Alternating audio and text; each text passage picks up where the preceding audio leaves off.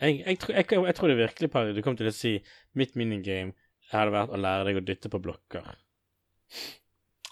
Altså, Patrick kan, eh, er en mangefasettert person. Han kan, Ja, han ja. kan ikke bare dytte på blokker. Han kan også eh, you know, uh, brenne tau og uh... han, han, han, han må faktisk brenne tauet.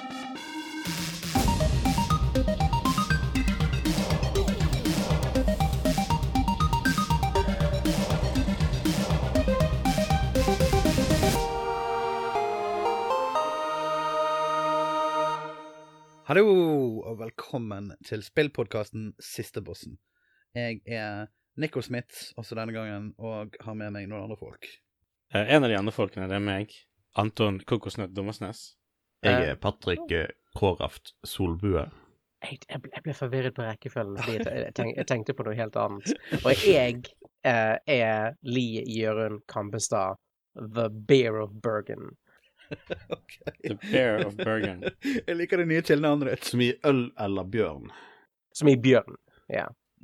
Eller er det, ellers er det beer. Mm, mm. Eller er det, er det liksom bar Anyway, Jeg, jeg, jeg sa hvilken det var allerede. uh, vi skal snakke om spill, og jeg husker ikke, gjorde vi Sa, sa vi sånn hva vi skulle snakke om først? Eller sånn, for det pleier som å planlegge, men en gang så har vi ikke gjort det nå. Jeg, tror- jeg tror ikke vi dekket hva vi skulle begynne med, men Nei. jeg syns det er så lenge siden vi har hørt noe om kortspill. Uh, så jeg synes vi kan åpne med det. Ja, kan, Ja. kanskje du snakker litt om, om kortspillet, Nicole? OK, så jeg har spilt et kortspill som heter Star Realms. Og dette Mm. her er da I første omgang dette her er, så er dette et fysisk spill. Et spill eh, eh, hvor man kjøper ekte kort og spiller. Men det finnes også en digital utgave av det. Men jeg, jeg har spilt Ja. den eh, håndfaste versjonen. Jeg, jeg, var, jeg var nylig innom eh, Steam og sjekket den digitale varianten, bare fordi at eh, vi spilte jo fysisk med hverandre. Så bare gikk inn og bare så på den igjen. Jeg har ikke noe særlig å si på det, jeg bare sier at eh, den fungerer helt OK. Ok. Mm. Ja. Så dette her er da Dette ikke er sånn uh, collectable collectible trading card game. Dette her er et uh, ferdig Du kjøper en boks, og der er hele spillet. Mm. Men det er et såkalt uh, deck building game. Så det vil si det at når man spiller, uh, så driver man samtidig og bygger opp en, en, en bunke med kort som skal bli på en måte din hær eller armada, eller hva det nå er tematisk som du skal bruke til å vinne over motstanderen. Mm. Og eh, det ligger jo litt i navnet på dette spillet, som heter Star Realms, at her er det snakk om eh, stjernefart og romskip og sånn som det. Yep. Du begynner med en, en hånd, liten, veldig liten håndfull kort, og der har du um, noen kort som du kan skyte med og gjøre skade på motstanderne med, og noen kort som du kan bruke til trade. Og en runde i spillet foregår ved at du begynner turen din med en full hånd, og så foran deg på bordet ligger det fem kort som er forskjellige kule romskip. Og hvis du har nok penger, så kan du kjøpe de kortene, legge dem inn i en sånn discard pile. Og eh, så kan du eh, spille ut andre kort for å skyte på motstanderen. Og dette kan du gjøre i hvilken som helst rekkefølge du vil. Og hver gang noen kjøper et kort, eller kjøper et nytt skip, så legges det til et fra den store bunken med romskip. Mm. Det eneste unntaket er at du har den, den bunken med eh, så vidt litt bedre skip enn det du starter med. Ja, du kan kjøpe tradingskip òg, ja. Mm. Men, men den opprinnelige bunken med kort det er kanskje bare sånn ti kort eller noe sånt. Så etter to hender, som er ganske lite på, i, i tidsperspektivet i spillet, så har du tømt bunken din. Så da tar du discard, eh, kaster vekk bunken din og stokker de, og legger opp og har en ny bunke som du begynner å trekke fra. Og da har du fått inn et par av de romskipene du har kjøpt. Og, og sånn går uh, gangen i spillet, da. Mm. Ellers så kan jeg legge til at um, det er forskjellige fraksjoner, og du kan blande helt fritt fra de forskjellige greiene. Men du får ofte bonuser ved å ha mange av samme sort, for det er veldig mange som har en sånn sekundær egenskap, og den kan du kun bruke hvis du allerede har spilt et kort fra samme fraksjon. Og ellers er det to hovedtyper eh, kort, og det er rombaser og romskip. Og det kule med rombaser er det at de legger du på bordet foran deg, og så blir de liggende runde til runde. Og hvis og når de har en egenskap, så får du den egenskapen gratis, eller inntil noen ødelegger rombasen din. Eh, mens romskip de kommer utpå, får gjort egenskapen sin, og så går de i discard pile din for å kan bli stokket inn igjen til neste runde, eller til en senere runde. Det slo meg Det slo meg nettopp Jeg trengte denne konteksten for, for å koble det, men fucking Altså, uh, sånn bunkebyggespill er jo faen meg bare det, det er battle chess bare til bordet. uh, ja, men, men autobattler er definert som uh, deckbuilding games, da. Så Det har noe, det har nok vokst ut av det. ja. Ja, du mente sånn Ja, Autobattler. Ja. Ja. Ja, ja, men jeg, bare, jeg, var ikke, jeg var ikke koblet til før. Men når du har sagt noe, så er det sånn Faen, dette er jo det, det, Du kunne snakket om det jævla Riot-gamet uh, istedenfor. Så det var sånn Ja, ja, ja. ja. Ja, ja men det er, det er deckbuilding. Så det er det. Ja. Men altså, sant, det minner jo en del om et annet spill som jeg har spilt mye, som er ganske populært, som jeg tror mange har spilt, som heter Dominion. Mm. Ja, det, det, det er vel det i, i brettspillverden i hvert fall, eh, som, som, som er veldig annerledes enn en videospillverden, eh, så tror jeg det er Dominion folk tenker på som en sånn standard mal når man eh, Ja. nevner Det deckbuilding-spill. populariserte den sjangeren. Ja. Eh, for å bare sammenligne de bitte litt, da, så i Dominion så er gjerne spillet satt opp av at det ligger en ja, La oss si Jeg husker, jeg ikke husker, men la oss si ti pluss bunker med forskjellige sorter kort som du kan kjøpe hver runde. Mens Mm. her så har du den eh, stadig påfylte raden av fem skip, og det er veldig mye mer variasjon i de forskjellige kortene. Det er liksom Jeg er ikke sikker på om det er duplikater i det hele tatt. Det er det sikkert, men det er ikke mer enn en håndfull duplikater av hvert kort. Og bunken er gjerne på sånn 100-200 kort, liksom, så det kommer stadig vekk nye og andre uh, ting. Og så kan man kjøpe ekstrasett, uh, og det har han uh, kameraten min som kjøpte spillet, gjort. Og de kan bare blande sammen, de kan bare stokke sammen, så kan man spille. Og så kan man inn på litt sånn ekstra regler, og, og jeg så det var en del multiplayer-varianter som var inspirert av måter å spille Magic på, som Commander og Two-Headed Giant og sånn. Mm. Si, alle, alle, disse, alle disse expansionene er også i Steam-varianten. Uh, altså, det er helt komplett fullt spill. Det eneste er at du sitter ikke face to face og drikker øl med han du spiller mot. Altså, jeg liker jo Det, det jeg virkelig liker med, med den designveien, det er godt, da. Fordi altså, sånn som Dominion eller uh, et spill som jeg spilte med, så var Penny Arcade sin uh, bunkebyggerspill. mm. uh, jeg husker jeg Um, spilte litt, ja. Mm. Ja, vi spilte det faktisk sammen. Vi spilte det sammen en del. Jeg tror ja. det siste brettspillet vi spilte sammen for sånn Eh, år heter det Penny Arcade-spillet, bare for for Åh, det heter definitivt et eller annet vilt, men jeg har ikke tittelen på hvis du søker på, på, på uh, dekkbilder og Penny Arcade, så finner er du det. det Men der det er- Thornwood-greiene, er det det? Nei, nei, det, det, dette er ikke uh, en av spin-offene til Penny Arcade. Det er basert på selve uh, nett-tegneserien. Ja, OK. Mm. Um, okay. Men, eh, men, men det, er- det var i det store hele bare Dominion med en Penny Arcade-skin, hvis jeg husker riktig. Ja, de hadde en del spennende mekanismer som de hadde blant inn, og gjorde det veldig forskjellig på mange måter. Okay, Ok, ok, for du, du manipulerte deksene på bordet i mye større grad enn hverandre. Mm. Eh, men det jeg liker med, med sånn som du snakker om her, er jo at eh, sånn som med Dominion, så har du gjerne altså du har et statisk brett som du bygger rundt. Det er veldig fort at du finner skal jeg si, optimale strategier, eh, og mye av moroen for min egen del når det kommer til Dominion, så er det sånn OK, i, i, når du har blandet disse ti bunkene sammen, så har du to-tre dominante strategier som alle har et, et par svakheter. Så hvis noen tar liksom og spiller svakhetsstrategien, så kan du kantre litt. grann. Men når du har liksom 200 kort, og nesten alle er unike, så blir det veldig mye sånn Å ja, faen, nå må jeg bare finne på noe dritt on the fly. Og jeg føler på mange måter at uh, det både Det gjør at, uh, at premieringen for å ha spilt dette ofte ikke er like stor, uh, samtidig som at det kan føles Altså, du kan føle deg clever, da. Ja.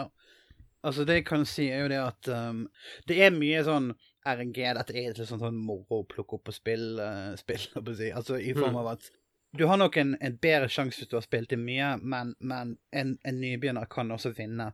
Utover det, liksom det som på en måte går på ferdighet, og som du lærer litt over tid, så er det nok mer på uh, fraksjoner. Sant? Altså Mm. de forskjellige altså for eksempel, Jeg husker ikke liksom hva Jeg tror en av de er sånn AI-imperier, noen av de er traders, og noen av de er mut space mutants.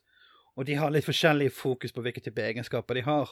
Men når du bygger dekket ditt, og når du kjøper inn nye skip og, og romstasjoner, så er det som oftest en idé å ikke fokusere på mer enn kanskje to av de. Du kan ha en og annen fra en annen hvis den er veldig god, eller noe sånt, men du har lyst til å få det og trigge disse her eh, sekundære egenskapene så ofte som mulig, sånn, sånn at du, Mm. du kan regne med at du har odds for at når du trekker en hånd, så har du mer enn én av en sort. Mm. Og eh, det strategiske går rett og slett på å ikke bare sørge for at du kjøper av de fraksjonene du bestemmer deg for, men også følge med på hva motstanderne plukker opp, og sabotere litt. Grann. Enten kjøpe et kort som du tror de har lyst på, selv om det kanskje ikke er det beste for deg der og da, eller å, å bruke egenskaper som fjerner ting fra um, den haugen, og, Ja. og setter inn nye kort istedenfor. Mm. Ja, for der går du inn på noe av det jeg lurte på, fordi at uh, en av mine favorittbyggespill er uh, Machikuro.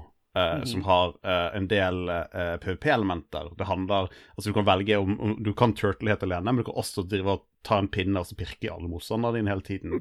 Uh, og det er noe som jeg syns har vært en svakhet med mange byggespill, er at det er veldig mye Det er litt som når du spiller Blå i Magic. Du spiller egentlig et solospill med vennene dine som ser på deg. Um, og jeg lurer på her, altså Du snakker om at du kan manipulere liksom kjøpeområder. Eh, unnskyld, kan jeg må du- bare stoppe deg der og arrestere deg litt. For at blå er jo en av de mest interaktive fargene som er i Magic. For de kan ikke gjøre noe uten Ja, det, det, motstandere. det, den går ut på liksom country og og dispelle og Mens Creature Deck, som bare har som mål å bygge seg sjøl stor og sterk, spiller jo sitt eget spill. Grønn er, grønn er kanskje en solofarge, føler jeg. Ja. Så, så Ja, ja. OK, jeg er helt uenig med eksempelet ditt. Men please continue. Hva faen, men det er du som tar på det resonnementet. Nei, um, jo, uh, kan du Altså, så du kan herpe liksom by order når du kan uh, si, deny oss hele pakken, men har du måter å fucke med andre folks liksom, romfartsbaser og sånt? Ja, altså, det som er greia med romfartsbasene, er at de fungerer veldig mye som et slags skjold. For det at Altså, romfartsbasene kommer i to flavors. Det er Space Stations og så er det såkalte Outposts. Og Outposts hvis, hvis noen har en sånn ute, så kan ikke du eh, skade spillere. Du må ødelegge Outposten først. Det fungerer som, som taunt eller skjoldet i Hearthstone, liksom. sant? Mm. Ah, shit, OK, greit. Jeg, jeg, jeg tror altså at jeg, jeg er blingset og ikke spurt det viktige spørsmålet som jeg kunne hevde vinner i dette spillet. For jeg antok at det var bare sånn Ja, nei, hver, hver person har uh, rett og slett liv. Det er 50 points som kalles for authority i dette spillet. Og jeg tror ideen er at på en måte, jo mer du strategisk ødelegger av motstanderen, jo mindre kontroll har de over romimperiet sitt. Så derfor er det autoritet. Jeg- Jeg håpte virkelig at det skulle være en konstruktiv um, win condition heller enn en, heller enn en, en, en destruktiv en. At dette var dette, dette er et spill hvor du samler Du tenkte liksom at hver, hver fraksjon eller hver spiller prøver- forsøker å bygge sin egen Dyson Sphere. Førstemann til Ja, få nei, ferdig ja nei, jeg, vil, jeg liker mye bedre disse spillene når de handler om å samle poeng, heller, heller enn å ta vekk andre sine. Nei. Det dette er et veldig i samme mold som som, eh, som Magic Maglast. og Ja. Ja, kanskje, men der har du konkrete ting å ødelegge. Men her er det points. Um, Mm. Men det eneste jeg syns er litt artig, der, som var, en av funksjonene har som, som en av hovedegenskapene deres, er det at de legger til authority points. Så du kan ha det som en strategi at du du prøver ikke å ødelegge så mye hos motstander, du prøver bare lite grann, men du skal mest bygge opp dine egne, så du ikke går så mye nedover. Mm. Ja, så For å forts- fortsette sammenligningen, så er det mer som å spille hvit i Magic, som fremdeles er et spill om å drepe alle vennene dine. Ja da, jeg tar ikke vekk fra det i det hele tatt. Det er fokus i spillet. Ja, nei. vinne ved å redusere motstanderne sine points til null. Og det er ingen alternative win conditions heller. Nei, eh, jeg tror ikke det. Um, men eh, det følger jo også en modell i spill som jeg generelt sett ikke er så veldig glad i, men samtidig så veldig mange gode spill har dette. Og det er jo det at spiller man flere stykker, så er det litt sånn at veldig ofte så er det strategisk smarteste å bare eliminere en av motstanderne dine. Og når de er eliminert, så er de bare ute av spillet. Da har ikke de noe mer å gjøre. Og det betyr ikke det at spillet nødvendigvis er ferdig med en gang. Så... Ja, nei, det er jo Ja, det er jo generelt bare en designsvakhet i, i eh, ødelegge for hverandre-spill. Uh, fordi at da, da vil man fucke ut hele tiden.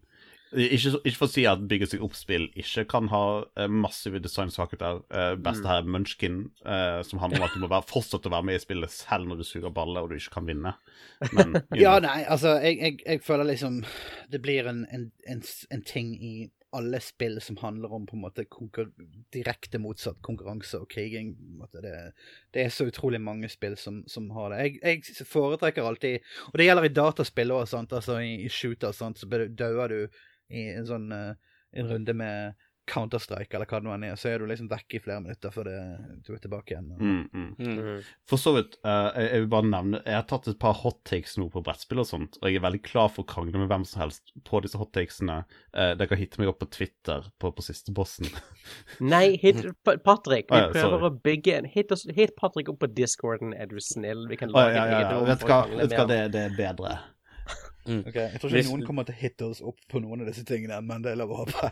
Jeg, Nei, vet ikke, det- jeg, jeg, føler at det- det er veldig mange som liker Munchkin, og jeg vil bare si Munchkin er det verste brettspillet som har skjedd. Altså, Jeg er helt enig. Munchkin suger. Kom og det, slåss det er med meg og verre enn Monopol. Ja, Takk, Patrick. Det er faktisk egentlig den beste måten å beskrive Munchkin på. Det er Munchkin verre enn Monopol. Ja. Tagline. Jeg er sikker på at de hadde klart å selge, hvis jeg hadde hatt, selge mer hvis jeg hadde hatt det som tagline. Eller kanskje Monopol kunne begynt å selge seg på Monopol bedre enn Munchkin. ja. OK, så jeg, jeg, jeg har ikke om det er så mye mer å legge til i dette spillet. jeg, Annet at uh, dette er sånn Det er veldig lett å lære. Det er veldig kjapt og enkelt. Og det er stor random-faktor, fordi at det er så mange forskjellige kort. Dette var en sånn type spill som det er veldig kjekt å bare bruke som en slags eh, sosial smørning, bare for å liksom sitte og ha noe å gjøre på mens man sitter og prater sammen og, ja. og eh, ha det kjekt. Jeg, eh, jeg, jeg, jeg føler at det liksom ikke er så intensivt eller krevende som en runde med Magic kan være. Nei. Hvor det da typisk blir prat om liksom hva som skjer i, i spillet. Mens her er det mer sånn Jeg gjør dette og dette og dette, og så kan du prate litt over bordet om Ja. andre ting. Men Magic er så komplekst, da, liksom, så Ja, Det jeg, kan jeg ville ikke, jeg ville ikke brukt eh, Magic som sosial smøring, for å si det sånn. Ikke med mindre alle er store Magic-nerder. Nei. Nei, nei, altså, det er jævlig gøy å spille Magic, og når jeg skal sitte meg ned og ha liksom, mitt MLG-moment, så er Magic et perfect sted der. Men hvis jeg bare skal sitte og ha det hyggelig med vennene mine Ja, nei, men det jeg mener sant, altså, Du må nesten være en stor haug med Magic-nerder for å gjøre det. mm, mm, mm. For det, jeg har hatt hyggelige Magic-kvelder, men da er, det, da er det bare folk som er til stede, som virkelig er fans. holdt på å si. Ja. Det er litt sånn det må bli. Så jeg vet ikke. Jeg, jeg, jeg vil anbefale dette spillet, egentlig. Jeg er ikke sikker på om det er dyrt, eller noe sånt, men you know, jeg bryr meg ikke så mye om de tingene der. Men uh, kanskje hvis man er nysgjerrig, så kan man sjekke ut uh, den digitale varianten først. Ja. Det er gratis uh, eh, inntil du ønsker å kjøpe expansions. Så grunnsettet Ja, okay. Ja, men det er en good deal. Jeg, jeg, sjekket faktisk, jeg sjekket faktisk dette, de har en fin modell på det. Uh, sånn som jeg forsto det på Steam, så er spillet gratis uh, med mindre du vil spille online. I hvilke tilfeller du trenger å kjøpe fulle spillet for en 37 kroner, hvis jeg husker riktig. Ja. Ja. Uh, men det, det er en ganske ok modell. Hvis du bare har lyst til å teste spillene, se hvordan det funker, og spille mot en CPU for å på en måte få filen av det, så kan du gjøre det gratis. Og så for å faktisk spille det, la oss være ærlige, på ordentlig mot andre mennesker, så er det fremdeles relativt billig. All right. Um, Penny Arcade deckbuilding-spillet het for øvrig Penny Arcade The Game kolon Gamers versus Evil. Uh, Mm. som jeg, Ah. som, som for, for 2011 var bare akkurat etter sin tid i, i Ja, det, jeg. det, jeg liker at det var liksom en artefakt for sin æra, selv når det var helt fresh. Det, det, det, det var liksom Ja. Men eh, så da, jeg, jeg sitter og har et sånn sug nå, for det, det er så utrolig lenge siden jeg har hørt om uh, masse tatoverte menn som løper rundt og synger og drikker Oi. og slåss. Ja, Så Jørgen, please fortell meg at du kan komme med et nytt Yakuza-spill og, og fortelle oss litt om. Nicol, jeg har tre nye Yakuza-spill. Oh shit! Oi, helsike. Hør på mannen som kan Julaften levere kommer tidlig. Det, you know, det har vært sånn tre episoder siden sist, så jeg har To. Eh, ja, kanskje bare to episoder siden snakket om Judgment. Så eh, jeg satte meg ned for å se sånn OK, hva er spillet som jeg kan ta opp på casten? Å nei, alt jeg har spilt er Yakuza-serien og ingenting annet. Fra morgen til kveld uh, i siste, fordi vi er fremdeles innestengt og jeg har en begrenset mengde ting å gjøre på. Det kan jeg, jeg, jeg kan be, bare så, jeg kan bevitne. For jeg, jeg spiller Final Fantasy-remaken i ny og ne. Og de Ja, du tre- ser meg på PC. ja, de siste tre gangene jeg har skrudd på PlayStation, så gjør jeg meg på med Yakuza.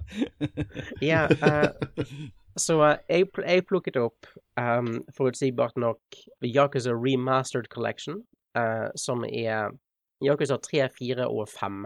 3 og 4 var eksklusive til uh, PS3, så vidt jeg husker, så de var umulig å spille på PS4 inntil nå.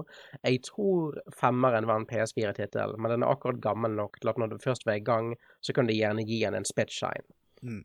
Jeg har spilt Yakuza-spillene i, liksom, i, i numerisk rekkefølge siden, siden Zero kom ut, uh, som jeg tror de fleste eh, folk utenfor Japan har gjort, for det var på en måte med Zero at Sega fikk det store gjennomslaget sitt. Ja, for Zero kom egentlig mye senere, så- men en prequel. Ja, jeg tror Zero kom rundt samme tid som fem, okay. eh, hvis jeg ikke husker helt feil. Ja. Um, men jeg anbefaler for dere som spiller det på denne måten, å starte med Zero.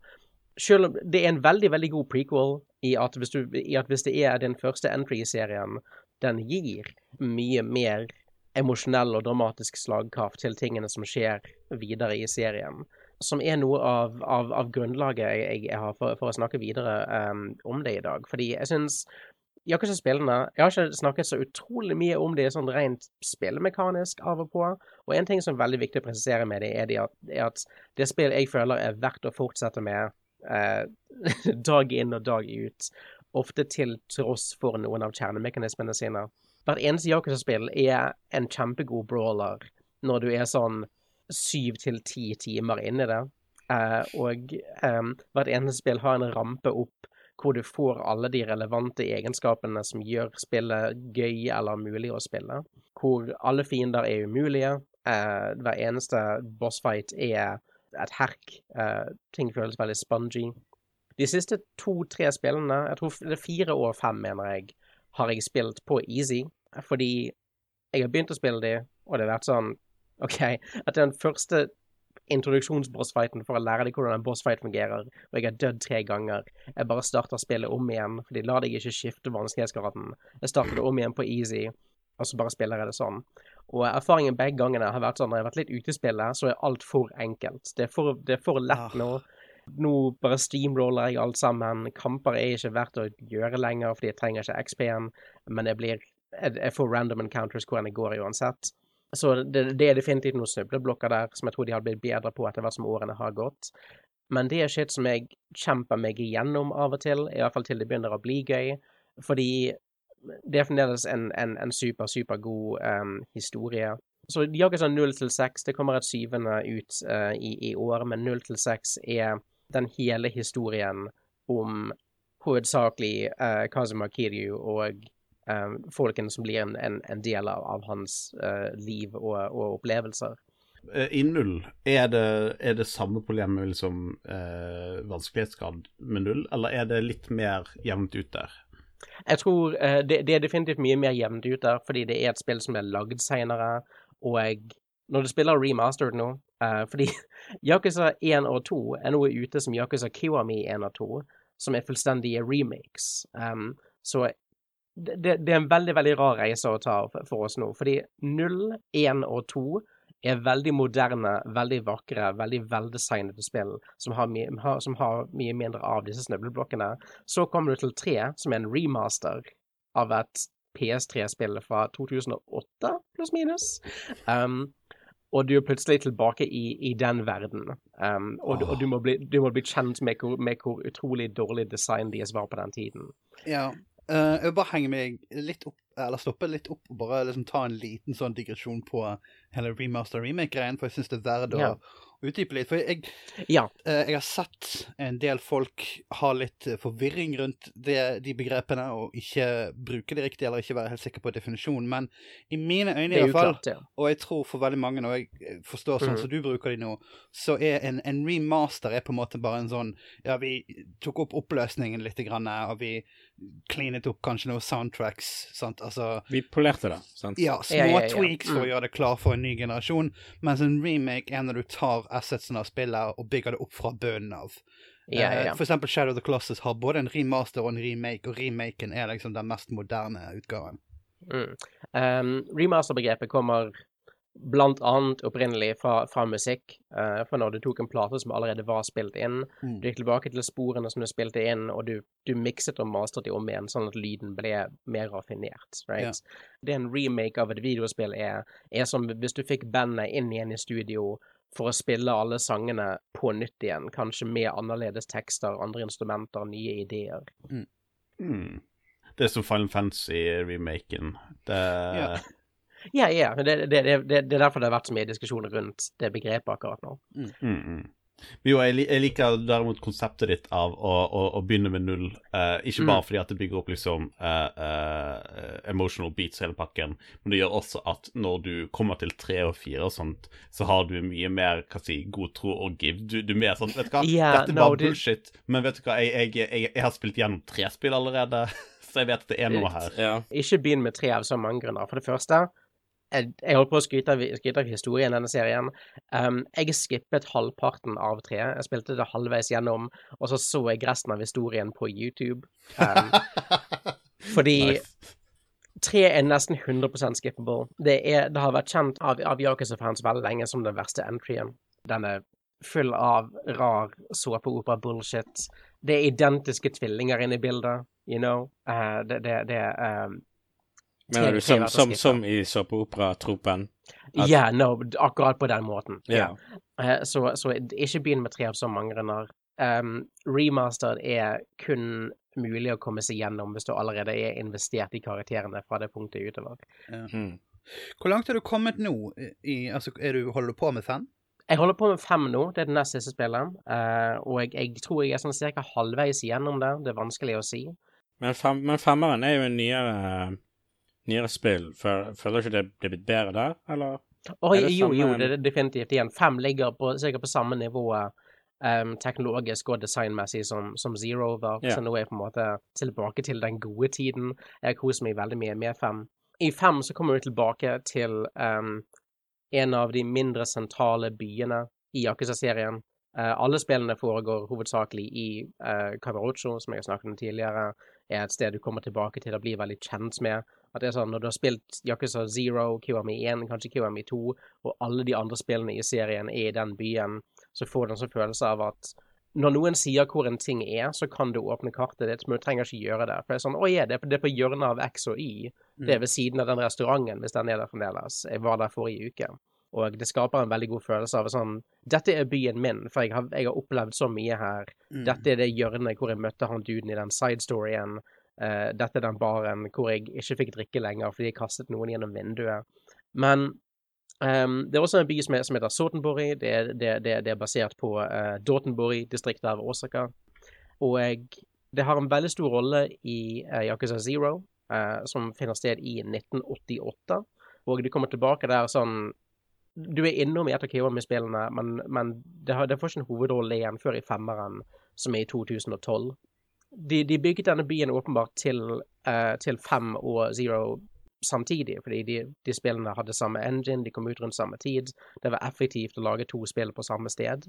Men fordi jeg først var der i Zero i 1988, og jeg nå mange spill senere, 24 år senere, kommer tilbake, så har det vært en unik spillopplevelse for meg. Jeg tror ikke jeg kan peke på noen andre spill som har gjort dette på denne, på denne måten, hvor jeg kan se de samme stedene 24 år senere, og det vil føles som jeg var der for 24 år siden.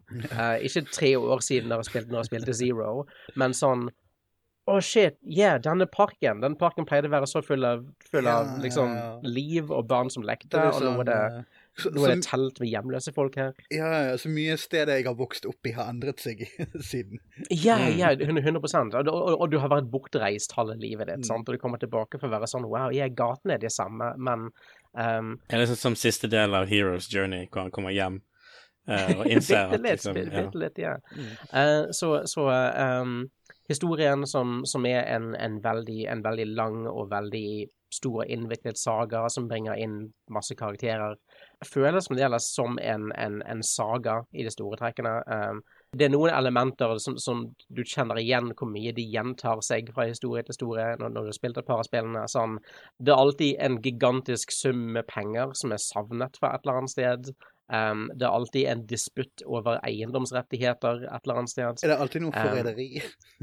Det er alltid, det er alltid forræderi. Hver eneste Jakobs historie handler om en eller annen halvveis kriminell, halvveis politisk sammensvergelse, eh, som ikke blir fullstendig avduket før finalen. Men eh, jeg nøds, eh, såpass investert i karakterene at jeg, at jeg har lyst til å se hvordan det liksom kommer ut på andre siden av den. Yeah. Og det, det, er også no, det er også noe relevant med det, at det er aldri en, det er aldri en retur til nordmenn på slutten av Yakuza-spill. Uh, det, det er ikke sånn som episodisk TV, hvor det er sånn 'Ei, vi løste saken, og nå er alle venner igjen. Um, alle står på andre steder uh, en, uh, på slutten av et spill enn de gjorde i begynnelsen. Noen ganger er, er flere personer døde, og du ser de aldri igjen. Noe som på en sitcom sånn Ingen snakker noensinne om at forrige episode var Timmy and junkie. Nei, nei, nei. Fordi, fordi han er ikke det lenger. Det går fint. Ah. Nei, det er jo uh, jeg, jeg, Så det er en ting som jeg har bitt meg litt fast på, uh, og det For jeg, jeg, jeg er ikke kjent med Yakuza-serien utenom gjennom deg. Uh, mm. Og i et par artikler som jeg leste her og der. Og jeg visste ikke at treeren var liksom anerkjent som the bad one, fordi at um, Jeg har mm. lest ett review av treeren som jeg er kjempeglad i, og det er et, et, et, intervju med tre faktiske Yakuza-medlemmer. Uh, ja, ja, ja, ja. ja. Men, men, er det virkelig treeren? Fordi jeg har lest det. Oh, jeg, jeg, jeg trodde alltid det var sånn etter Kiwami-spillene de spilte. Men, men ja, det er en superkul artikkel der ute hvor det er en um, jeg tror en amerikansk men, en amerikansk dude som, som var sånn tidligere uh, Japan-korrespondent, som spiller Yakuza 3, tydeligvis, uh, sammen med tre uh, legit aktive Yakuza-medlemmer. Um, og det er, en, en, er superspennende å høre på de, både deres inntrykk av spillet sin skildring, og også på en måte deres angivelige opplevelse av hva, av hva virkeligheten er i forhold til spillet. Ja, nei, det, det er da en, uh, en, fyr som har jobbet i tolv år som en krimreporter ja, nettopp. Uh, i Japan. Ja. Mm. Er, er, det virkelig sånn at, at Yakuza-folk går på karaoke? Er det sant, Jørgen? Det, det, snakker de om i intervjuet, om mm. ikke så helt feil. Uh, det er så klart det ligger i lenker fra innspilling. der ligger Så klart det er lenker fra innspilling. men det, kan, det mener jeg jeg har hørt at de gjør, så altså, det, det, det, det, er ikke, det er ikke så mye at karaoke er en Yakuza-ting, som at karaoke er en ting folk liker å gjøre. Ja. Og de, de, er folk, de også. right? Ja, så det blir liksom sånn Går mafiafolk ut og drikker og fester, liksom? Sant? Ja, sp sp spill, spiller gangstere videospill. Sure, ja. Yeah, en god del av det. Det, det, er 2020. Um, ja, nei, men det er jo en sånn, det jo en sånn greie som eh, Det er alltid fascinerende å se um, folk som har et yrke eller en, en ting de gjør i livet, kommentere mm. på fiksjonelle representasjoner av deres gruppe. Det mm. Ja. Altså det, det, det, jeg tror kanskje det mitt største håp for denne podkasten er at en dag så får vi inn en litt sånn sliten, gammel russer som, som kjører eh, trucks eh, i gjørmen og skal levere ting. Og vi sånn der Ja, hva syns du om Kan vi intervjue en, en østeuropeisk trucksjåfør? Er det, det noen, noen må lage et spill som handler om å lage en podkast om spill som vi kan sitte og se på og analysere. Ah, det, you go. Um, jeg, det er sikkert det. Det var Som en person fra, fra simulatorverden, så var det en stund ja. hvor folk lagde jævla mye liksom Å, du er en YouTuber, du er en, eh, en, en influenser, du er en TikToker, du er dette og dette. Uh, YouTube-simulatorer var store en stund. Mm. Mm. Det verste simulatorspillet. Um, OK, så um, jeg, jeg, har, jeg, har, lyst til at vi skal komme til bossrommet i dag òg, så selv om dette var en interessant tangent. Er det noe mer å si om, om, om denne her eh, Det er det sikkert masse mer å si, men er det noe mer du føler er Eh, så mye å si. Eh, ja. Men eh, det som var veldig forfriskende, og det som jeg tror um, i, i, sin tid var nøkkelen til å redde uh, serien når, de, når spillene opprinnelig kom ut, um, er at i Yakuza 4 så har du ikke lenger bare én uh, karakter du spiller, men så mange som fire karakterer, uh, som alle sammen fungerer på ganske forskjellige måter. Som de har stoppet opp i Yakuza 5, fordi i Yakuza 5 har du fem spillbare karakterer. Um, det er tre som gjør retur fra fire, og pluss to nye. Og det er fem Jeg har hørt fire av de så langt, men de fire jeg har spilt, er fire vilt forskjellige spill. Når jeg kom til karakter uh, nummer to, så tilbrakte jeg en hel dag av mitt eget liv på å spille en jaktsimulator på fjellet. Um, med å overleve kulden og skyte hjort og ta med meg uh, pels og, og, og, kjøtt tilbake til landsbyen. Men, da, men dette er sånn uh, playable character som gjør at du må starte et nytt spill for å spille det? Ikke sånn nei, nei, nei, de er alle sammen, de er alle sammen del av samme historien. Du, du spiller de um, i um, i hver sin del, hvert sitt kapittel gjennom main story. Mer som okay, GTA 5, liksom. Ja. Og jeg, jeg, vil ikke overraske meg om de har vært inspirert av Yakuza-spillene når de gjorde det greiene. Ikke umulig. Um, og ka karakter nummer tre har vært et eget spill med ingen slåssing i det hele tatt. Um, ingen fighting-funksjon utenom dance-fighting. Um, fordi karakter nummer, nummer, tre er et aspirerende teen idol, skal bli popstjerne, og er hovedsakelig en samling med forskjellige rytmespill og uh, publicity events, hvor du må ta folk i hånden og ha riktig svar til de creepy tingene de, de sier til deg. Um, eller, eller, vite hva du skal si til intervjuere fra forskjellige magasiner. Mm. Så eh, det, det, det, har vært en, en, en, vill reise så langt med veldig forskjellige spill. Så hvis du bare vil Hvis du ikke bryr deg om historie i hele tatt, så bare har lyst til å få en smak på alt det forskjellige den serien gjør, så kan du plukke opp fem remastered for seg sjøl. Ja. Mm. Det er jo kanskje Jeg tror ikke jeg kommer til å spille disse spillene. Jeg er liksom ikke helt investert nok i brawler-biten. Men er det Mm, mm. én ting som gjør at jeg får litt lyst, så er det inntrykket jeg har fra deg og, og andre kilder om at det er så utrolig mye gameplay-variasjon i disse spillene. Det er det. De, de prøver seg på alt mulig. Um, og med, med, med, med, tanke på at dette studiet heter Ryuga Gotoku Studio, og Ryuga Gotoku er hva serien heter i Japan. Det er det Yakuza-serien heter. Dette er de eneste spillene de lager, right? Mm. Så eh, alt, alt rom de har for å utfolde seg som spilldesignere, må finne sted innenfor den samme serien. Yeah. uh, og det, det, det er en restriksjon som har skapt noe veldig spesielt. Yeah. ja. Nei, altså det er jo Jeg, jeg liker veldig godt uh, Du sendte meg to Facebook-meldinger for en stund tilbake igjen. Det var Ja. da uh, Yakuza 5 har et taxi-minigame. Jeg har gjort 0 av story progress. og jeg bare jeg, jeg føler det oppsummerer der uh, hvorfor det, den serien er så magisk. Både Mm. å spille og høre om. For det er sånn Å ja, jeg lurer på hva som skjer her nå. Å ja, nei, who knows? For akkurat nå så sitter jeg bare og prater med alle gjestene mine. Mm. Yakuza Ja. 5 så langt har vært en taxisimulator, jaktsimulator og popstjernesimulator.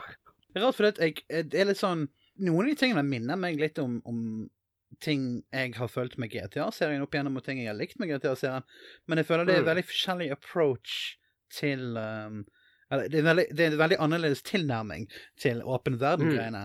Hvor GTA har vært mer og mer opptatt av å integrere alle spillene i hovedmekanismene.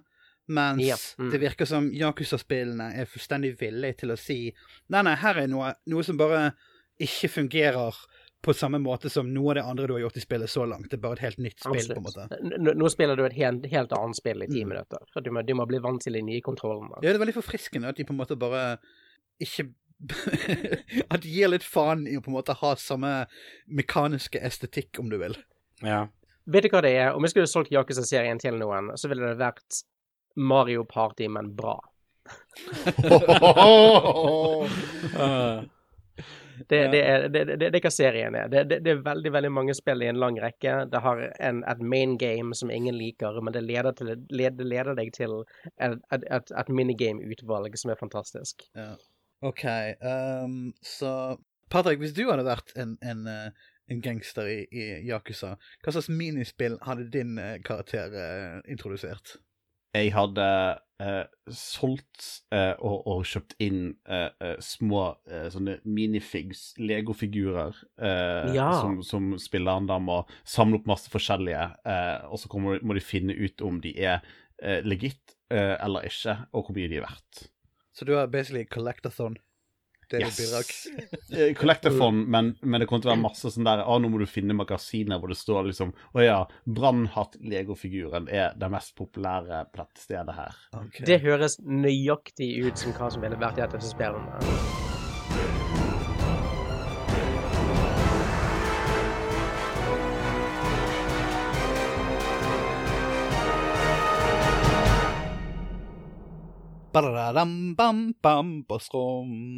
Bossrom. Det er tid for Bossrom-tema igjen. Og i dag er det Bossrom-temaet mitt, som jeg eh, presenterte i sted Nei, vent litt. Som jeg presenterte for en uke siden, mener jeg. Um, I forrige episode. ja. Og det er da altså det farligste monsteret med et harmløst utseende i spill. Mm. Så for, for det jeg, jeg, jeg er ikke så kjempefornøyd med formuleringen, men jeg føler det, det, det er forståelig nok, og det sikter til en ting som jeg føler er ganske vanlig i spill, hvor du liksom introduserer en Mm. twist med at en eller annen cute ting, eller veldig, veldig eh, harmløs utseende ting, viser seg å være veldig skummel. Mm. Mm. Så Velkjent. Velkjent. Ja. Uh, så eh, det er vel meg som går først, så, Yep. siden det er mitt tema. Så min entry, eh, og som er grunnen til at jeg kom på dette temaet, det er Tonberry fra Final Fantasy whatever. Den er på La oss min, si eh, Final Fantasy 7. den er på min, min, min follow-up-liste. Ja. Er, er, er dette et, av de monstrene som alltid er med i alle Final Fantasy-spillene? Det har vært med i ganske mange. Det er ganske ikonisk. Mm. Det er som Sid. Ja, ja. Og Tonberry, uh, Tonberry er en veldig søt, ganske kortvokst øglemann i en sånn brun robe. han har i høyre hånd, ene hånden sin så har han en, en, en liten lanterne, en lykt, sånn oljelampe, som han går og holder foran seg. Og så går han veldig sakte. Og i andre hånd så har han en, en sånn kjøkkenkniv, en sånn kokkeknife. En stabby. Ja. Og du kan jo tenke deg, OK, han kan sikkert stabbe, så han er jo på et eller annet nivå kanskje noe Altså, han er et monster, tross alt. Du, du sløter på han og må slåss mot, så du tenker ja, han kan stemme. Men hva den nøyaktige gimmicken er, har variert litt fra spill til spill. Men stort sett så er greien at han går veldig, veldig sakte. Og bruker mange turns på å komme frem til det. Det skjer ingenting. Men han har sinnssykt mye hitpoints, og når han først kommer frem, så har han en tendens til å instakille. er Sånn sub, sub, sub, sub fremover i ti turns, og bare stab død. Der døde ene karakteren din, og så begynner han å gå mot nestemann. Mm. Det er så skummelt og så morsomt. Ja, og det, og det, er, så, det er så bra, for han ser så utrolig søt ut. Du har liksom lyst til å Ja. med han. Men uh, Nicole, ja, han kan Mm. være badass. jeg har en forespørsel. Mhm. Kan du fra nå av kalle det enten en chef's knife eller en kokkekniv, og ikke en cockknife? Sa jeg en cockknife? Du sa, du, du, du sa kokkeknife. Å ja, ja, OK. OK, så han har en kniv. Det Ja, gjør det Mm. enkelt. Jeg, jeg eh, husker jeg har møtt på Tonberren i jeg kaller det mer moderne Final Fantasy-spillet, hvor eh, eh, kampene er litt mer dynamiske. Mm. Og der er det mye vanskeligere å slåss med, for der gjerne må melee-duden opp i nærkamp med dem og stå der for å slåss videre. Og det er ganske farlig mot Tonberries. Ja. Det er lettere i disse turn-based-greiene, hvor liksom de hopper frem for å slå, og så hopper de tilbake i posisjon. Der er i, uh, som en liten referanse til noe jeg holder på med nå, i Final Fantasy 7 Remake, som jeg holder på å spille, så er det en bosskamp, hvor, en veldig hard bosskamp, hvor bossen spawner Tonberries. Ja. Mhm. Og det greiene er at bossen i seg sjøl er veldig hard, så du må stort sett fokusere på han. Men hvis du undervurderer tonberryene, og det begynner å komme litt for mange av de, så eh, er det game over for den kampen der, liksom. Du må ta Ja. det før det blir et Du må ta, må ta adsene. Ja, du, men du må virkelig ta disse adsene. Mm. Mm. Så, så ja, eh, da er det nok ikke noe mer å si om godeste Tonberry, så eh, da er det over til Anton. Ja. Jeg skal over til en, en gruppe med monstre, og så skal jeg fokusere på en av dem. Den gruppen med monstre er det de kaller for Ooses i Dungeon Dragons. Mm. Um, som er, Vel, det er jo bare slim eller en vannputt på bakken. Uh, som viser seg ofte å ha veldig farlige konsekvenser i det at de uh, ofte ruster vekk våpenet ditt eller rustningen din, den slags. Uh, men det er en spesifikk en av de som jeg syns er, er veldig gøyal, eh, og det er Gelatinous Cube. Som er, er, en os, men i en geléklumpform. Og den er typisk sånn i, i en sånn dungeon-korridor, hvor den bare er helt gjennomsiktig. Og, eh, og partiet aner fred og ingen fare. Det mest harmløse utseendet er, jo- er jo ingen utseende i hele tatt. Helt til de går inn i den, og så er det jo da en sånn et syrebad av, av gelé som eh, etser vekk alt annet enn rustningen din. Typisk blir denne tingen brukt som uh, sånne her uh, vaktmestere i dungeons. For liksom bare sope med seg all driten og, og døde eventyrere og sånn. Mm. Um, men den tenker jeg er definitivt et, et skrekkelig farlig monster. Med et, et, eh, harmløst uh, utseende. Spesielt for, for lav level eventyrere. Hvor søt er han?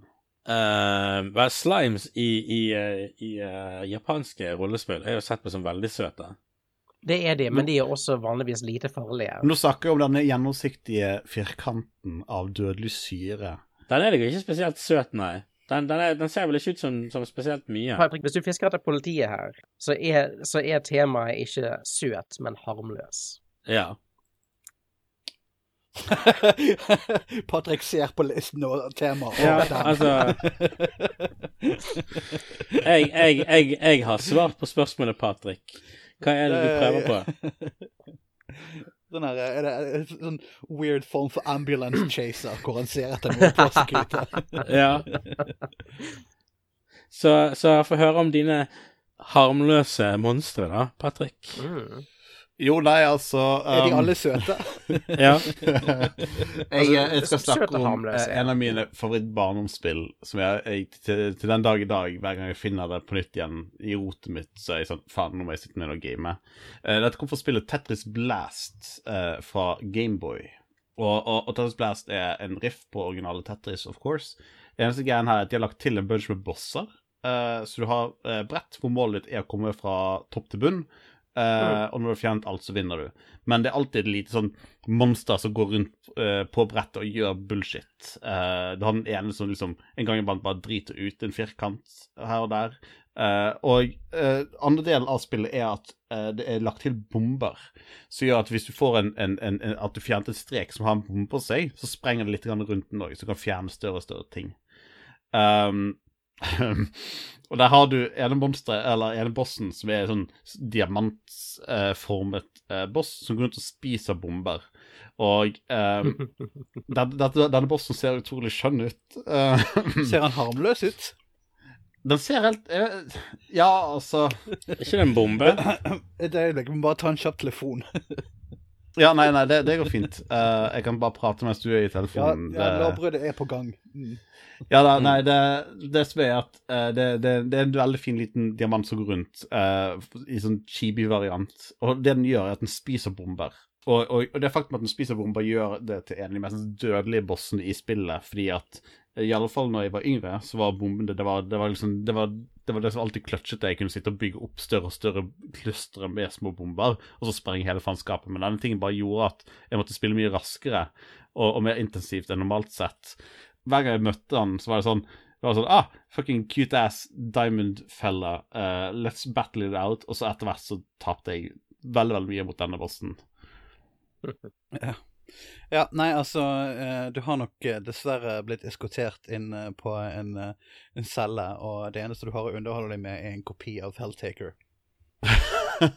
altså, den ser veldig harmløs ut, da. Vi skal ikke jeg- ja, okay, Sier han til seg sjøl mens han sitter på cellen. Mm. ah. Ah, det er så deilig. Ja, altså, jeg, jeg syns, jeg syns det, eh, det var veldig, veldig, en veldig god seier for meg. Ja, jeg vet. Det var det Han prøvde å ta deg og jamme deg opp, liksom, og så kommer han her og bare skamløst uh, bryter loven. Mm. Mm, Jeg anker saken i lenker for innspilling. Eh, hvilken av de er det? Nei, nei. Det er den siste, vil jeg anta. Jeg fant ikke bilde av, av den spesifikke.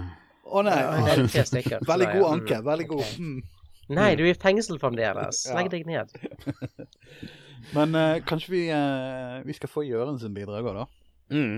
Um, ja, så uh, den mest klassiske tropen vi har allerede vært innom D&D, uh, som jeg føler at det som tema peker på, er uh, mimics. Um, Ja, ja, ja. som- ja.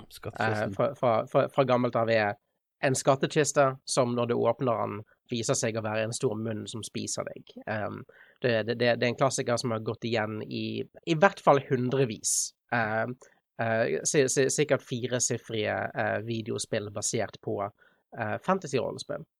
Men mimikene som, som virkelig har vunnet over hjertet mitt, er mimic-monsteret fra, fra Prey. Den um, immersive simmen fra et par år siden. Så finnes det på en romstasjon som er blitt overveldet av um, Tatt over av, av skumle uh, romvesen, livsformer. Den mest dominante av disse, den fienden du kommer til å se mest av, er mimics. Um, som i sin naturlige form er ganske små, sånn på størrelse med en katt, uh, firebeinte edderkoppklumper uten noe klart ansikt. De, de, de er en svart klump med bein. De har ingen definerende features i det hele tatt. De, de er veldig søte i hvor små og hjelpeløse de virker. Men um, de kan ta formen til et hvilket som helst objekt som er i nærheten. De, jeg føler de er inspirert spillmekanisk veldig av sånn prop hunt uh, multiplayer-spill. Fordi, uh, fordi i motsetning til Mimics fra nesten alle andre spill, så er de ikke statiske. De har en AI um, som gjør at når du ikke ser på dem, så beveger de på seg. Når de er et annet sted på brettet, så beveger de på seg. Det er de høre fra Doctor Who, ikke sant? ja, ja, ja. Så det, du kan høre de løpe rundt. Eh, men av og til, når du kommer inn i et rom, så går du for å plukke opp I don't know. Du, du, du sier 'Å, oh, wow, det er mye ammo her inne'. Nei, det er bare én ammo her inne, og tre mimics som så at det var en ammoboks, og nå holder de på å spise deg. Mm. Um, som er en veldig gøy funksjon, fordi, fordi spillet gjør det dynamisk ved at de faktisk løper inn i rom, finner, finner noe å replikere, og så prøver å holde seg stille når, når du kommer inn. Er det sånn å forstå at det ikke er nødvendigvis er skriptet? At det er en Nei, nei, nei. De, de, de har noen skriptede events til å begynne med for å gjøre deg kjent med hvordan de fungerer, men, eh, men, men gjennom mesteparten av spillet så, så eh, finner monstrene ut sjøl hva som er den smarteste tingen å gjøre. Ja. Men de er ikke mennesker, og jeg, tror de har med vilje ikke den beste AI-en i verden. Så, av, så du kan komme inn i et rom og er sånn Dette skrivebordet har to stoler foran seg, og jeg kan se, hvor, jeg kan, jeg kan se hvordan det skjer. Kanskje du ville vise noe til vennen din før du døde, men jeg skal vedde på at det er en mimikk. Um, Å, det, å, det er fucking fabelaktig. Og det, det leder til at det, det former måten du spiller hele resten av spillet på. For hver gang du kommer inn i et rom, så ser du deg rundt og ser sånn Hva er det én for mye av? Det er to bossbånd her inne. Og meste, mesteparten av tiden så ser det ut som en jævla idiot som er sånn Det er to kaffekopper på dette bordet. Jeg må knuse kaffekoppene før han angriper meg. Og det går rundt og knuser tilfeldige objekter i, i hytt og pine, bare i tilfelle de kommer til å stabbe deg i ryggen. Ah, det var- For dette, jeg, jeg føler at dette er noe du kan bygge et helt spill på, som bare handler om at du, du, du skal gå og utrydde alle disse mimicsene, men du må samtidig balansere det med liksom public opinion, fordi at folk som ser deg rundt og gjør random ass shit sånn Faen, her er det for mange stopptegn. OK, la meg bare ramme. Du har nå oppfunnet prop hans, pappa, Patrick. ja, men prop hans har ikke en storyline. Det, det er sant, det er sant. Ikke Heksetikken-spill, ikke det litt sånn? Det er et prop Nei. Det er det, det, det, igjen et proppent. Ja. Ja. Eh, Altså, Ja. prop hunt er da en beskriver en sjanger hvor det også forkle seg som objekter i brettet er en del av uh, det mekaniske. Mm. Jeg, jeg har en, lit, en liten ting å, å gi til når det kommer til, til Mimics. Og det er at Ja. jeg har hørt at uh, Mimics, i hvert fall i Dungeons Dragons, de, uh, noen ganger så lar de deg ta skatten som er inni dem, for det er egentlig sånn de, de, de formerer seg. Så når du, da, Ja, da, da, da, hvis du betaler med gullmynt en annen plass, og så you know, blir det en ny mimic. Og så, ja. Noen gullmynter er, er, er, er mimic eggs. Det er en manga jeg liker veldig godt som heter Delicious Dungeon, eh, som handler om hvordan å eh, fange og, og lage mat av monstrene du finner i dungeons, for du har jo ikke noen penger til å kjøpe personer. um, og jeg, de, de har en hel storyline om dette, om hvordan du må kunne se forskjellen på ekte gullmynter og mimic eggs. Og så er det åpenbart en oppskrift på hvordan å lage en mimic egg-omelett etterpå. ja. Um, eh, le, les Delicious Dungeon, alle sammen. Vi finner på dette. Det høres veldig morsomt ut. Hei, Nick. Yeah. Hvis jeg høres annerledes ut, ikke tenk på det. Jeg bare Jeg, jeg, jeg var, drakk et glass vann, og nå er jeg tilbake. Og mens jeg drakk vannet mitt, eh, så lurte jeg på om vi hadde fått noe mail til, til dette temaet. Mm, spennende. Lenge siden jeg har Jeg fått setter e-post. veldig pris på at du prøver å gjøre dette så naturlig som mulig. uh, ja, vi har fått et bidrag til Bossrom-temaet i dag. Jaha. Og det er fra Fjordabossen. Oh. All right. Så skal vi se Fjordabossen skriver eh, Hallo igjen. Kommer med bidrag til temaet om farlige monstre som ser harmløse ut. Yes. Og valget var vanskelig for min del, for jeg spiller en del spill der søte ting kan være farlige. Ofte med flere i samme spill som ser ufarlig ut, men som tar livet av det ved første mulighet. Et av disse spillene er Terraria. Mm. Og spesielt Yeah. når det kommer til monstre i hard mode-delen av spillet. Og det er en av de jeg kommer til å trekke frem, nemlig pixiene. Som rett og slett er en liten lyskule med vinger som angriper deg. Og som er det mest i hard mode-delen av Terraria, så er det ganske, de ganske seige å drepe når du nettopp har tatt steget inn i den delen av spillet. Mm. Og de dukker gjerne opp i grupper på to-tre i slengen, og kan i tillegg fly. Det kan Det pi- Pixies er røffe. sånn Terraria, det var en sånn 2D-plattformer-ting med, med Minecraft, sant? Ja, det, det, det er en- det er en 2D-ish Minecraft. Jeg spilte gjennom det nylig, for de hadde ute siste updaten sin, og jeg um, Fremdeles verdt å komme tilbake til. Uh, Mm. Og jeg, hard mode er, er veldig spesielt der, fordi de introduserer helt nye biomes i spillet. Det er sånn Du kommer tilbake for å slå en spesifikk boss, og så er det sånn en, en en fargerik, en regnbuefarget mm. eventyrskog der det pleide å være ingenting. Og det er sånn Å, oh, wow, for et kult nytt sted. Her kommer en enhjørning, og enhjørningen dreper deg umiddelbart. ja, det, det, det er et superbra tema. Eller superbra tilbakemelding, for det er liksom Det treffer nøyaktig hva, hva jeg føler temaet gikk på. Det er bare Ja. det er liksom Du kan basically plukke hva som helst fra den biomen og være sånn Mm. Ja. Og det blir også så da, i samme tråd her sagt avslutningsvis, eh, som sagt så er det bare én av en god håndfull av de monstrene i Terraria som ser harmløse ut. Mm. Eh, så avslutter jeg med å si takk for flott podkast, Fjordabossen. Yes. Takk for, eh, takk for innslag. Jeg setter veldig pris på det. Ja, tusen takk for eh, bidrag. Men jeg bare lurer, da. Sånn, i, I Terraria, blir ikke det litt sånn inflasjon i, i, i det søte? Sånn at alt blir liksom kodet til at alt er farlig, om det er søtt? Eller No, fordi Terraria har det, det går hele gamutten eh, fra Ole Brumm til Fromsoft eh, i, i, i monsterdesignen sin.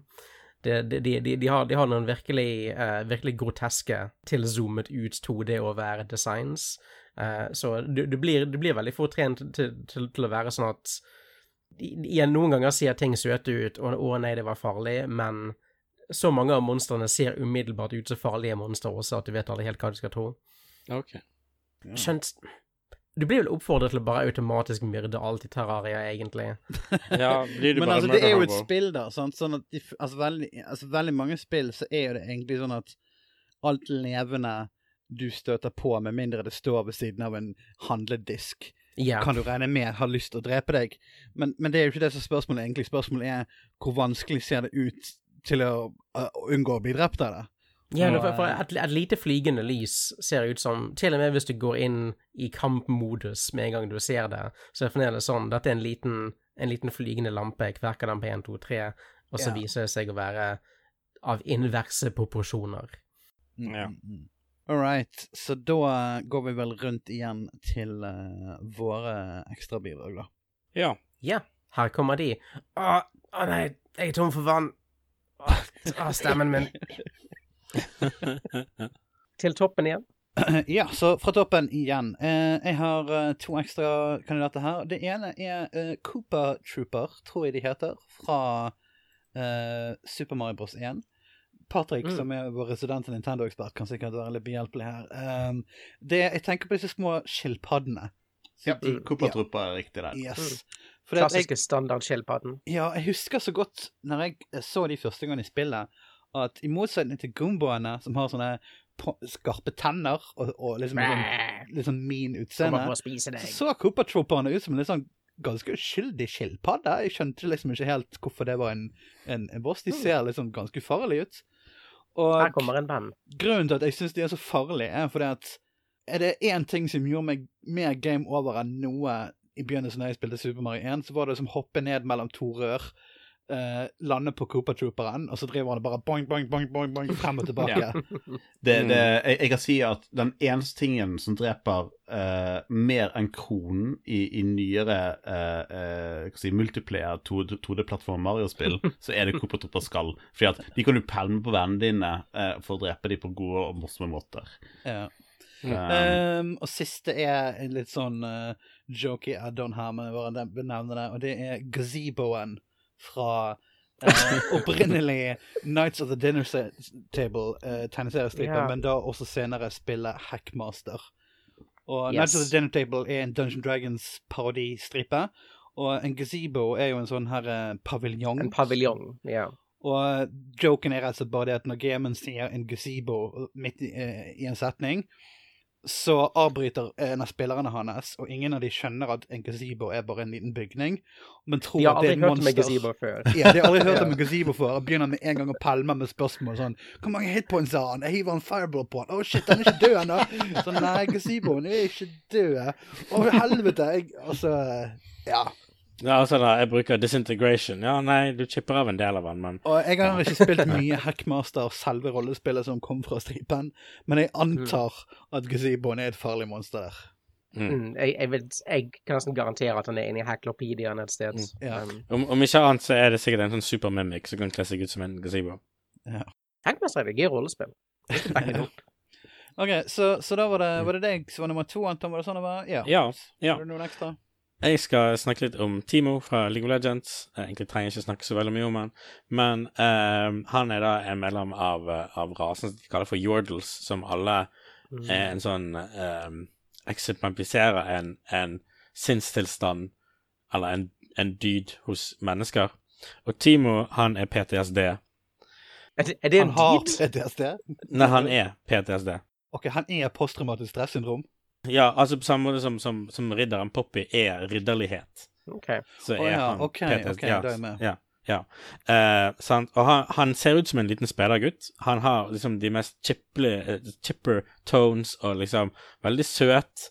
uh, og kan gjemme seg i busker og sånn, men han har en veldig, veldig mørk hemmelighet. Det er at når han kommer i stressende situasjoner, så klikker han helt i vinkel og er den mest dødeligste tingen ever. Han har en del skins som viser til dette, at han er Satan sjøl. Uh, Men er han et monster? Uh, ja, Ja. Jordals er faktisk monster. det, Ja, altså, det, du trenger ikke ha Lauren engang. Du trenger bare egentlig bare å si Temo, og så kommer alle som har spilt LOL til å være sånn mhm, mhm, mhm. Ja. Mm, Fucking mm. Temo Ja, is the worst. Ok, fair. Ja. Det, det, det høres ikke ut som en superrepresentasjon av, av uh, Det er derfor han er runner-up. posttraumatisk stress eller psykisk helse generelt. Men okay. men Uh, eh, Det er derfor han er runner-upen min også. Han er ikke helt på plass, men jeg syns han, han passer litt inn her. Jeg har en runner-up. Uh, Ja. Det er fra Civilization 4. Da har du Mansa Musa, en av verdens rikeste folk, krasjet uh, den egyptiske økonomien fordi han gikk på en world tour for å vise hvor rik han var. Uh, og eh, han er programmert til å være en backstabby motherfucker, selv om han ser jævlig ufarlig ut. For han kommer og så har han en liten turban og spiller til deg og viser alt all gull og juvel han har, og så litt senere så nuker han deg. Han er the human kind of monster. Yes! Det monster som er inni alle oss eh, hvis vi blir veldig, veldig rike. Yep. Gjør det. Eh, så eh, jeg er nødt til å inkludere uh, Sans fra Undertale her. Mm. Eh, en, en, en veldig velkjent uh, meme-karakter ved dette punktet. Um, Er det Blomsten? Nei, Det er eh, det er, det, det, er, det, er han, han lille skjelettduden uh, som gjennom hele spillet er på en måte en ledsager. Han dukker opp av og til. Han er en veldig chill dude som ikke gidder å gjøre noe. Uh, han, han, han bare er sånn 'Å, hei, du er på, du er på vei for å redde verden eller noe kult. Vil du ta en, vil ta en lunsj med meg?'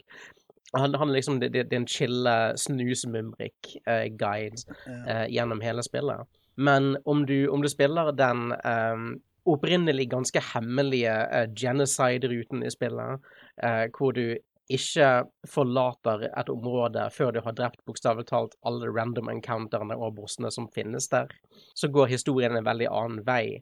eh, og Sans viser seg å være um, en, en hemmelig sisteboss som erstatter den opprinnelige sistebossen, og er kjent uh, siden 2015 som en av de verste bossene å slåss mot i, i moderne videospill. Fighten hans tar sånn ca. et kvarter uh, når du først klarer å slå han, men det finnes sikkert et hundretalls videoer på YouTube av Twitch av folk som bruker en seks til åtte timer på å prøve å slå bossfighten hans. Han er den, den verste. Mm. Men 15 minutter er liksom en god tid, er det du mener? Ja, Ja. ja, altså det, det, Fighten hans er ganske scriptet, uh, så uh, tiden varierer ikke så veldig mye når du faktisk klarer han. Men Mm. tenk, Altså, tenk, på, tenk på Sunsboss-fighten som et Guitar Hero-track som du må få perfect på. Ja, okay, det, ja. det, det er veldig god men sammenligning. skulle jeg skulle si også at, at boss eller kampene i Undertale tar jo vanligvis ikke så veldig mye tid heller. Det Mm. er jo liksom en, en serie med sånne små eh, movement minigames som oftest. Så. Ja, no, så folkene som bruker opptil en hel dag på å slå han, er sånn De prøver å gjøre de 15 minuttene, men feiler gang på gang på gang på gang. Ja, okay. prøve om igjen. Mm. Han har òg en rekke med nye kommentarer basert på hvor mange ganger han har slått deg, fordi spillet vet hvor vanskelig det er. Hvor, tid, hvor, hvor, hvor langt går det? Jeg vet ikke. Jeg har ikke en, en klar logg. Er det liksom sånn-. Når han har banket Men, eh, deg 10 000 ganger, så Ja. Mm. Eh, hadde du noen flere run-ups, Jan? No, nei, jeg var ferdig der. Det var det hele jeg hadde. mm. Da vil jeg gjerne istedenfor heller ha et nytt bossromtema av deg. Jeg vil gi dere et kjapt valg mellom noe som er et veldig klassisk og enkelt, kanskje litt for kjedelig tema, eller noe som kan være veldig vanskelig å finne bidrag til. Gi meg the spice. Jeg vil ha den, den siste av de, Ok. den, den, den vanskelige, interessante, Um, kreative. Okay. Så jeg vil ha beste spill med tre eller færre inputs. Oi. Det er veldig, veldig mange ting å velge mellom.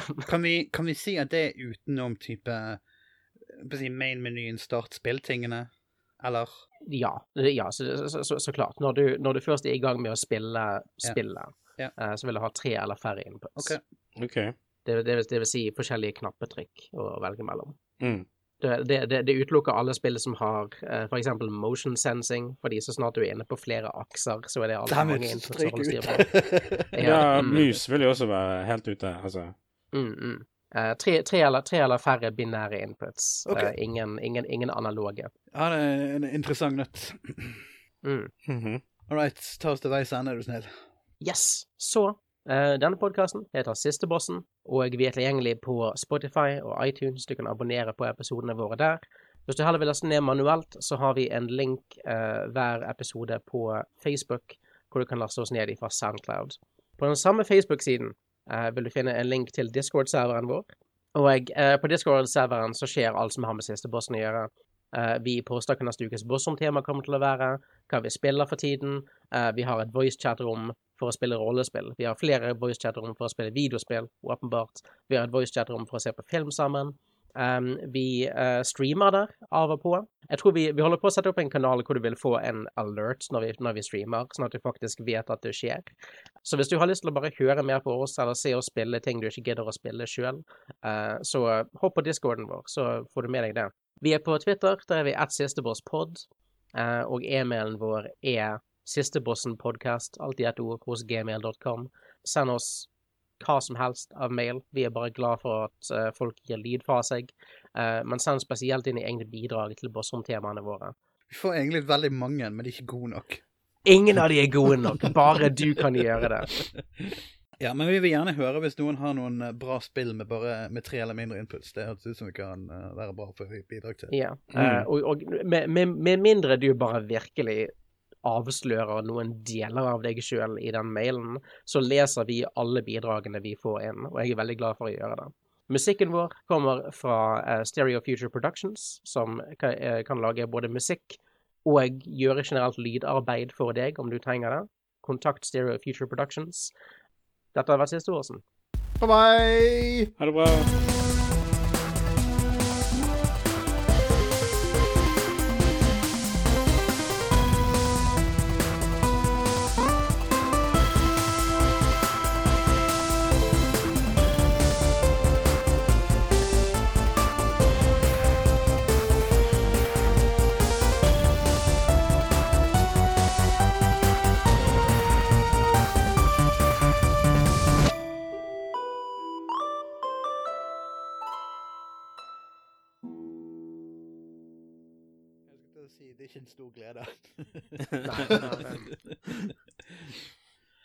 Kunne gjerne sagt dette i maincasten fordi det er relevant, men for de som ikke har fått det med seg, så vil Yakuza 7 være en uh, turn-based Japanese RPG.